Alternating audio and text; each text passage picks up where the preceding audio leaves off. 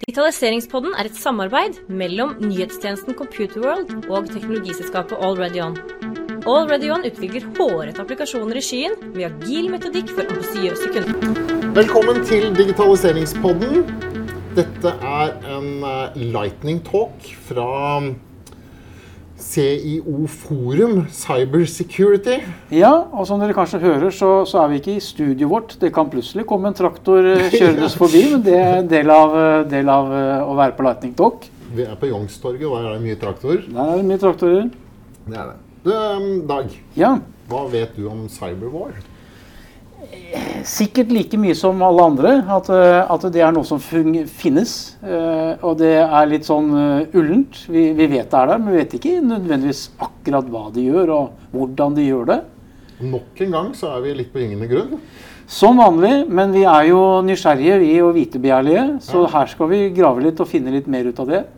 Vi har med en ekspert i dag som heter Mikko Hypponen. That's why we are going uh, to- Turning over to English. turning over to English. Oh, that's much better. Did you understand anything? I do actually. I'm able to follow a little bit of your little bit, Norwegian. yeah, yes. yeah, yeah, good. Welcome to the podcast. Thank you very Yeah. much. Great You- to be here. You, you, you told us that uh, you know a little Swedish. And Swedish and Norwegian is almost the same, so we can take it in Norwegian. Please don't. Or we can do it in Finnish maybe. ja, hiv opp päivä. Hyvää päivää. Oh, let's uh, keep it in English, I think. Yes, I think that's for, fair to everybody, and especially to our listeners. For the listeners, I think it's best in English, absolutely.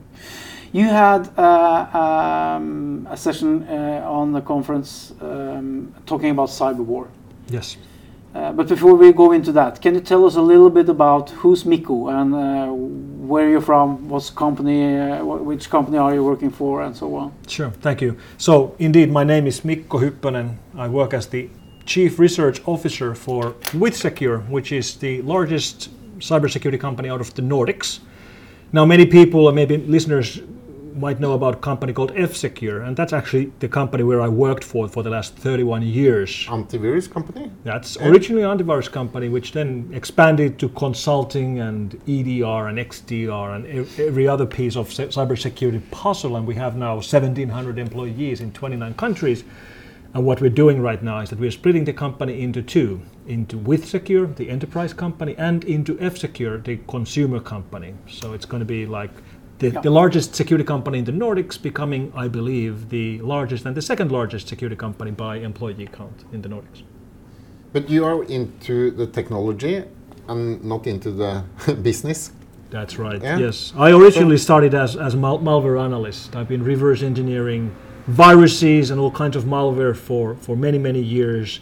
For the last 15 years, I've been focusing on on uh, figuring out where the attacks come from. I spent a lot of my time trying to figure out the organized crime gangs and their operations, and also nation states, intelligence agencies, and militaries, and, and what are they doing in this space. And that's why I spoke today about cyber war and the situation in Ukraine.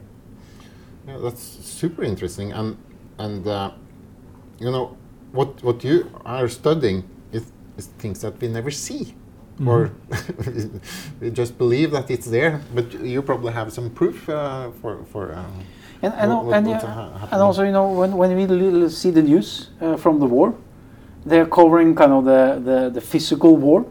Uh, there's not a lot of coverage on, on cyber war Mhm. uh, in the news. Yeah. So, so uh, let's uh, get a, uh, so what's happening out there. Sure, sure. Now, right now in Ukraine, there's fighting going on in all of the five domains for war. And today, the five domains for war are land, sea, air, space, and cyberspace. And in U- Ukraine, they're fighting in all of these. But I don't want to overemphasize the importance of the cyber weapons and cyber attacks and cyber war going on. It's clearly happening, and we're seeing more stuff than ever before. But the real tragedies and real death in Ukraine is happening in the real world. So it's important to, to, to keep that in mind as well. Absolutely. So when we started uh, seeing the first signs of, of the uh, renewal conflict uh, in, in the middle of February, um, Russia was actually in the beginning quite successful with their cyber attacks against Ukraine. And now I'm speaking about Russian governmental attacks, which we attribute directly back to Russian military and Russian intelligence agencies. Ukraine has been defending their networks against Russian governmental attacks for eight years. We've seen over and over again um, attacks against their electricity grid, again, uh, attacks against the, the Ukrainian companies. And now, when the war escalated, on the 23rd of February, we saw the largest wiper attack from Russian government targeting Ukrainian targets that we've seen in years. What's wiper attack? Wipers are destructive attacks. You could think about it as a Deleting things? delete stuff or overwrite or encrypt stuff. The way typically uh, these are explained is, is that it's like ransomware, except that there's no ransom. You can't get your files back even if you pay. Yeah. And on, on the 23rd of February, the wiper we found was called Hermetic Wiper, and that was successful in destroying information in, in thousands of organizations in Ukraine. And that started exactly 12 hours before they crossed the border, before Russians crossed the border into Ukraine. Yeah, I remember that because that was in the news. Also. That was in the news, but but it's it's what's just the first of the wipers we've seen. Um, the four uh, attacks we've seen after that have been less successful, and it's it's a great example on how Ukraine has been able to defend their networks against Russian aggression. Just like Russia has been failing in many of their real world attacks, uh, they- they've also been failing with their cyber attacks. Uh, It's a little strange because Russia have, have a long tradition for, for doing these attacks. Uh, I think you have to correct me, but we had a podcast with um, uh, Eskil from uh, Forsvarets uh, Yeah, forsknings- FFI. FFI. Yep.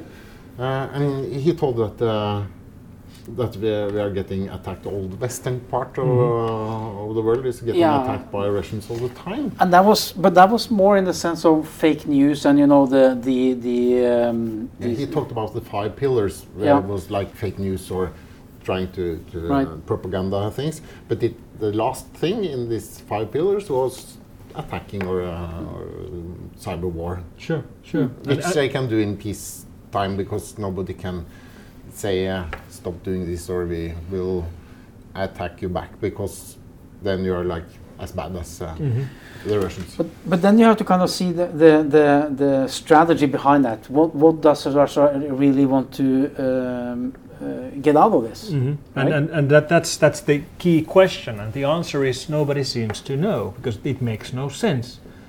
When we look at how well Russia was able to use their information operations for the last decade in shaping the opinions in the West by using our own social networks to, to, to cause infighting between Europeans and between, for example, democratic uh, Democrats and Republicans in, in the United States, they got great results. They were really effective. And now um, when Russia invaded Ukraine, West forgot all this infighting and we all united to support Ukraine and we've been sanctioning Russia harder than ever before. So it's as if Russia would have had all the winning cards in their hands and they just threw them into trash. And it's hard to see the logic in what they're doing.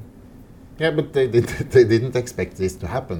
Yeah, I guess that's the, the reason. Or I, I think the hope that uh, I think they were w- w- hoping for Ukraine to fold in a couple of days and they would have Yeah. had a full victory, and it just didn't happen. It's like when they t- took uh, Krim.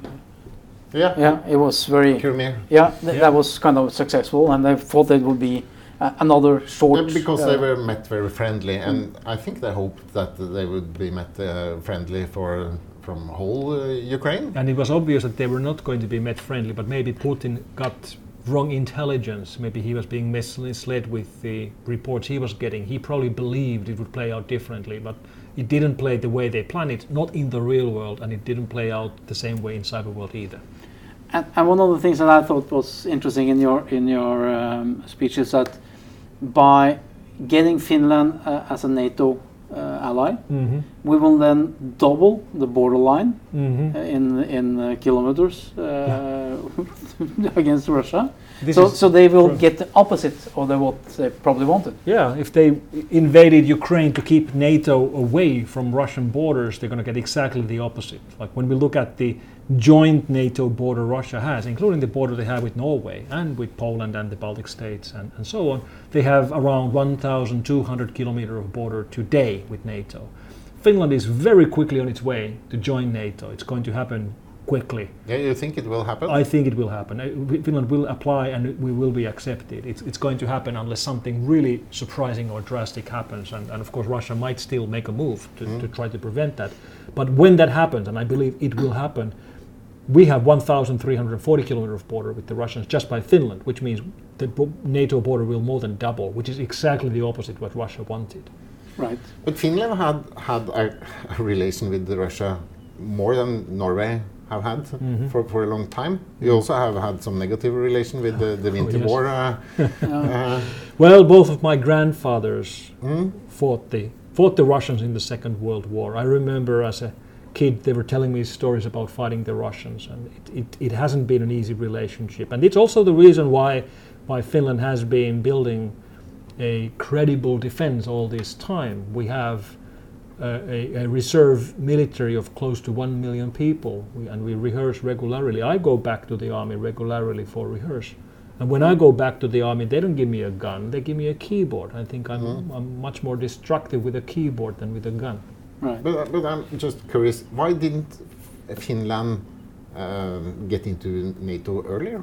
Oh, that's an easy question to ask, and that there's a, there's, it's a very very hard question to answer, because we were after the Second World War in a situation where joining NATO would have escalated the situation with Soviet Union. Now, where I live in Helsinki, there's a uh, a military base 40 kilometers away. It's called Porkkala, which used to be part of Russia. Russia actually, in their in the peace treaty, took part of a, a uh, Finland, which was so close to Helsinki that they could actually shoot artillery straight to Helsinki if needed. And that's the kind of like pressure point they had on us, which prevented Finland from making moves. We had to stay neutral. So Finland has been in a different position than, for example, Sweden. Sweden has been independent or, or, or neutral for 200 years. And it's been fairly easy choice for them to do because they have a buffer between them and Russia, which is Finland. But, but now situation has changed. Now we have to make a move, and the move we, we make will be to join NATO. Let's let's go back to, to Ukraine uh, and the war because one of the war. yeah because one of the things that you mentioned also I think it was very interesting is that um, the the critical um, importance of, of, of keeping Ukraine online. Uh, that is something that we maybe haven't thought about in Mm-hmm. Yeah. previous wars. Yeah, no, so, no, we so have, yeah. can you elaborate a little bit on that? Why is that important? I've been surprised how well Ukraine has been staying online. Now, 10 years ago, most of the connectivity, like physical cables, fiber optic cables, r- routing cables from Ukraine, went to Belarus up north or went to, towards east to, towards Russia. And uh, f- funnily enough, most of Russian routing historically has been then exiting Russia through Finland. Um, now it's using most of the uh, new cables they put in the Baltic Sea with the with the um, gas pipelines they've been building over the last 10 years. But ever since the war started in, in Crimea, um, Ukraine has been building new fiber optic cables to Poland to, to have better routing uh, exits out of their country to keep the country online during times of conflict. And now they need that very much. And the main reason why um, Ukraine is so well online today is the heroic work they do to repair the cables that are being cut uh, on the field, and also the Because fact it gets cut all they, the time. They, they get cut on purpose, and also during the actual bombing, cables are getting cut. And I, I have photos of, of Ukrainian telecom technical people sitting on the battlefield fixing broken fiber optic cables, risking their lives to keep the country online. That's how important connectivity is today. But there's also another explanation, which is the logical part. Like physical cables, that's one part. Then is the logical attacks. You can like do cyber attacks against the operators, shut down their networks, hack the operators. Um, most European countries have only a handful of operators. I don't know how many operators you have in Norway, but probably big operators you have like Two or three. two or three. Same in Finland. Ukraine has 4,000 operators. 4,000, 44 million people, 4,000 operators, tons of small operators. Sure, But do Ukraine. they have infrastructure also? no, they don't. But but the logic systems are yeah, but different. then we have more in Norway because we have all these virtual uh, operators. Right, but still, still, you don't have 4,000 operators. no. I'm sure. No, no, no. So, so th- that makes it more durable. Even if you launch an attack by hacking an operator, or even five operators and take them down, that's just five out of 4,000. So, so it, it, it's a different scenario to defend yourself against um, that kind of system. So, so the end result is Ukraine has lost connectivity, but it's still roughly 75% of what it was before the war.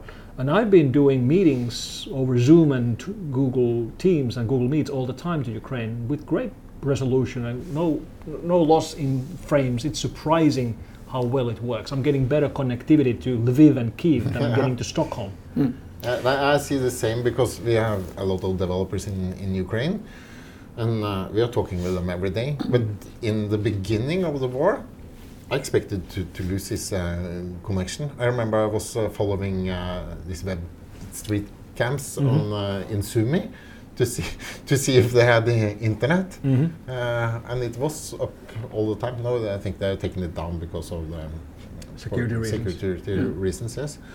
Uh, and uh, yeah, we have lost for some times because they lost power in Sure. in Sumy. They did for a, for a while, um, but then it was five or ten hours or something, and then it was back and uh, everything worked. That's probably worked one of the so- technical guys been in the battlefield and fixing the cable, right? Yeah, or yeah, also power. I- Interestingly enough, w- in our statistics and in our labs, uh, we are actually seeing a decline in the amount of cybercrime coming out of Ukraine.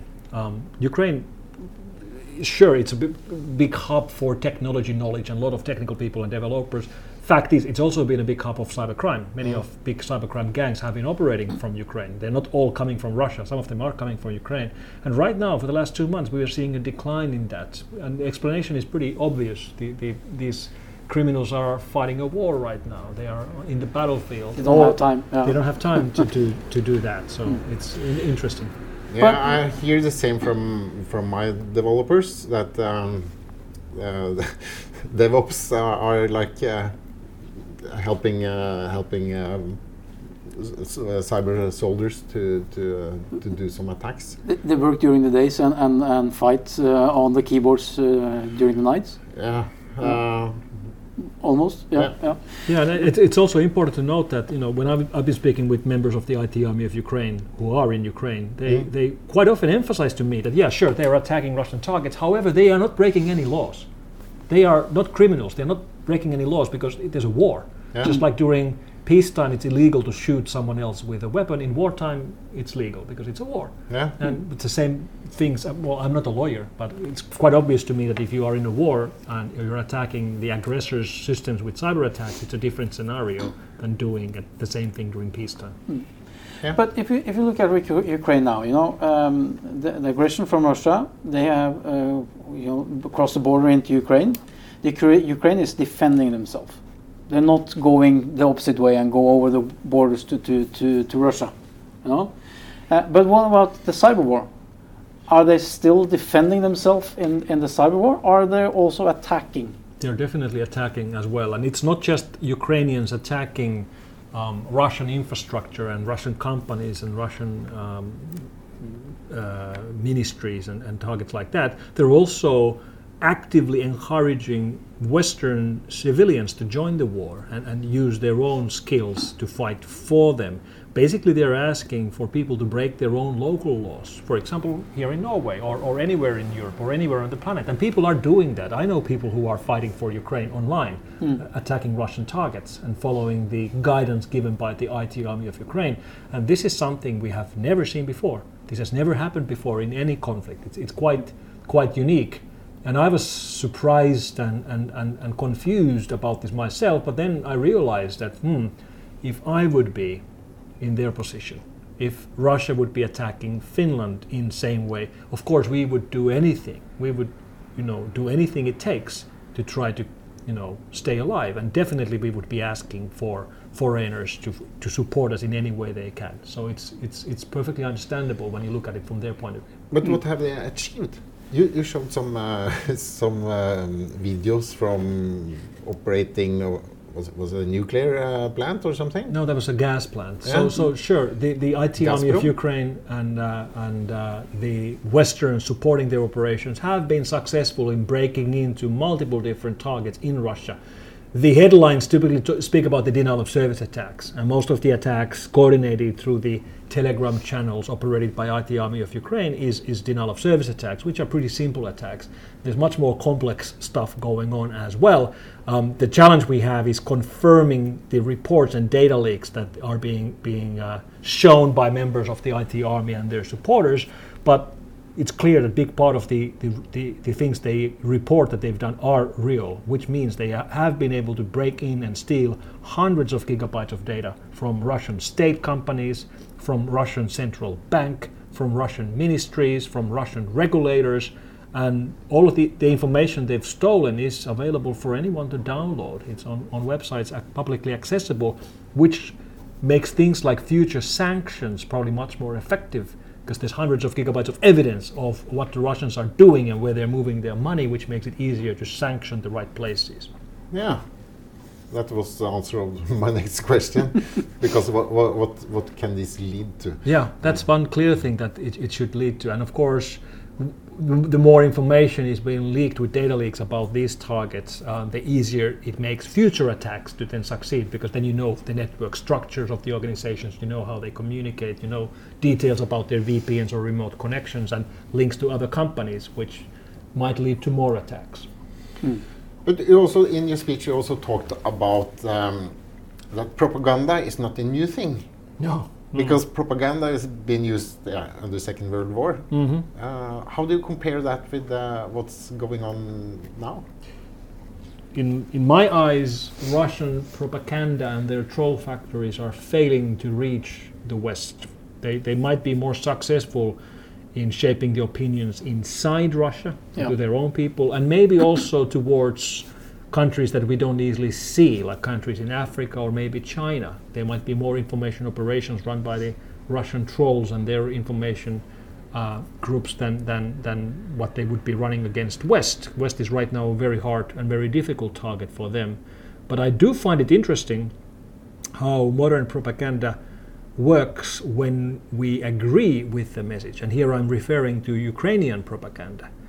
Like we look at President Zelensky as a great war leader and great hero, and he is, but this is also the, the messaging that we are being delivered to. And, and of course, it works because we agree with the message. So when Zelensky replies to West, who wants to evacuate him from Kiev, saying that I don't need a ride, I need ammo, and we're like, yeah, that's exactly the way it Yeah. is. And I, I'm, I'm agreeing, and I'm like, like, like clicking like on these mm. messages.